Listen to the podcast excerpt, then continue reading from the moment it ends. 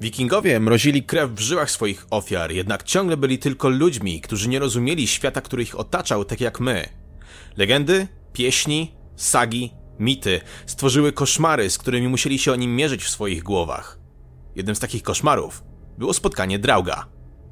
Draugr albo Draug, w większej liczbie Draugar. Inna pospolita nazwa to Aptrganga, co oznacza dosłownie ponownie kroczący, to zreanimowane zwłoki występujące w sagach i folklorze skandynawskim.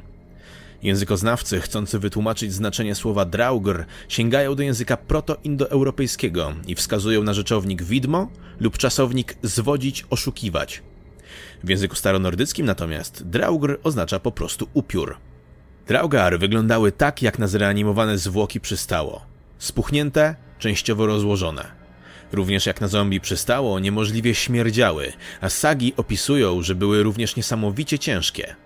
Niektórzy określali kolor ich skóry mianem Hellblair, czyli sino-szary, jak śmierć, lub Nerfylr, blady jak zwłoki. Te paskudne stwory przepełnione były złem i atakowały cokolwiek, co żyło. Draug mógł swoją ofiarę rozerwać i pożreć, zabić przez wyssanie krwi, stąd czasem porównanie z wampirami, doprowadzić swoją obecnością do szaleństwa, sprowadzając na wybrańca koszmary, a niektóre miały moc powiększania swoich rozmiarów do takich, że bez problemu mogły swojego oponenta zgnieść lub pożreć w całości. Gdy te żywe trupy nie mogły wyżyć się na ludziach, potrafiły gonić zwierzęta lub ujeżdżać je aż do śmierci. Hodowcy bydła bali się pozostawić otwartą stodołę na noc, żeby nie zastać całego swojego stada martwego nad ranem. Niektórzy uważali, że posiadały nadludzką siłę, inni, że potrafiły przemienić swoje ciało w gaz lub ciecz, co pomagało opuszczać im swoje groby, które traktowały jak domy. Świetnym wyznacznikiem tego, że dany kurhan był domem Drauga, był blask, który można było zauważyć w nocy, dzisiaj natomiast uznawany za światło fluorescencyjnych grzybów na gnijącym drewnie. Jednym z podtypów Drauga było stworzenie nazwane Haukbuj. A może Haukbuj? Yy, nie, jednak Hawkbuy. Nazwa wywodzi się od dziury w ziemi lub kurhanu. A to, co różniło Hawkbuy od typowego Drauga, to to, że ten pierwszy nie miał prawa oddalić się od miejsca swojego pochówku lub śmierci. Inne Draugar potrafiły oddalić się do woli od swojego miejsca spoczynku. Najpotężniejsze z tych złych, nieumarłych zwłok potrafiły czarować, a ich magia nosiła miano Trollskap. Miały mieć moc zmieniania pogody, przepowiadania przyszłości, a nawet zmiany kształtu.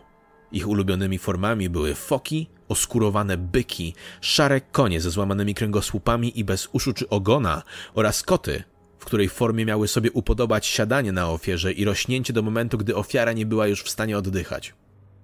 Było kilka sposobów, by zostać draugiem. Pierwszym była śmierć w pozycji siedzącej, niehoryzontalnej. Innym wskaźnikiem tego, kto zostanie draugiem po śmierci, był charakter człowieka. Bano się o powrót każdego, kto był za życia złośliwy, chciwy lub po prostu paskudny. Ostatnie, co ściągało wikingów z powrotem do ciała, miały być niedokończone sprawy. Draugar zawsze były przepełnione złem i egocentryzmem, gdyż odmowa ruszenia w zaświaty była niezgodna z naturalnym tokiem rzeczy i wymagała ogromnej ilości samolubstwa. Jednak to nie wszystko, gdyż Draug był jak pacjent zero w czasie pandemii.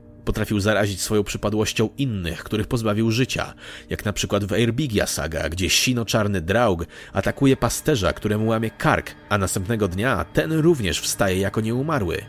Co więcej, zwierzęta wypasające się w pobliżu grobu Drauga miały popadać w szaleństwo, a nawet umierać. Istnieje zapis w sadze, gdzie pewien Islandczyk zauważa, że ptaki przelatujące nad jednym konkretnym kurhanem padają martwe. Gretis saga przybliża nam postać Drauga, który za życia nosił imię Glemr. Miał on w sobie tak dużo złej woli, że potrafił nawet mówić, a co więcej, przekląć bohatera z sagi aż po śmierć. Draugar posiadały znamiona inteligencji oraz cel istnienia. Ich zadaniem było pilnowanie skarbów ukrytych w ich kopcu lub kurhanie. Inne natomiast ożywały, by mścić się na tych, którzy skrzywdzili ich za życia. Najgorsze z nich natomiast chciały po prostu siać spustoszenie pośród żyjących. Żeby ubić drania, należało pozbawić go ciała, odciąć głowę, spalić, a prochy rozsypać do morza. Jednak niektóre z nich były odporne na broń, co wymagało sprytu lub śmiałka zdolnego przepędzić zmorę. Żeby nie musieć się martwić draugiem na zjeździe rodzinnym, Islandczycy wymyślili kilka sposobów, które miały uniemożliwić reanimację zwłok. Tradycja nakazywała położenie otwartych nożyc na klatce piersiowej umarłego, a w jego ubraniu ukrywano słomę i gałązki. Denatowi, po którym bliscy spodziewali się powrotu, wiązano duże palce u nóg lub w podeszwy bosych stóp wbijano igły. Oba te przesądy miały zniechęcić zreanimowane zwłoki do podróży.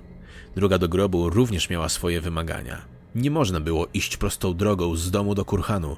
Po wyjściu z domu należało trzykrotnie unieść, obrócić w różnych kierunkach i opuścić trumnę, by zmylić krewnego. Ci, którzy nie wierzyli w gazową formę Drauga, mieli kolejne wymaganie wobec pogrzebu. Wierzono, że Draugr może wyjść z pomieszczenia tylko drogą, którą przedtem je opuścił, więc budowano specjalne wrota dla zwłok, przez które wnoszono ciało stopami do przodu, a trumna była otaczana przez gości pogrzebu, by zwłoki nie wiedziały, jak się tam dostały. Wrota były następnie zamurowywane.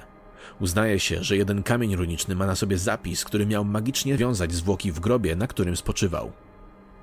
Podczas gdy mitologia przedstawia ich bardziej jak strażników wielkich skarbów i samolubne zmory, folklor rozwijający się wraz z konwersją na chrześcijanizm zmienia naturę Draugar na sylwetki bliższe słowiańskiemu utopcowi.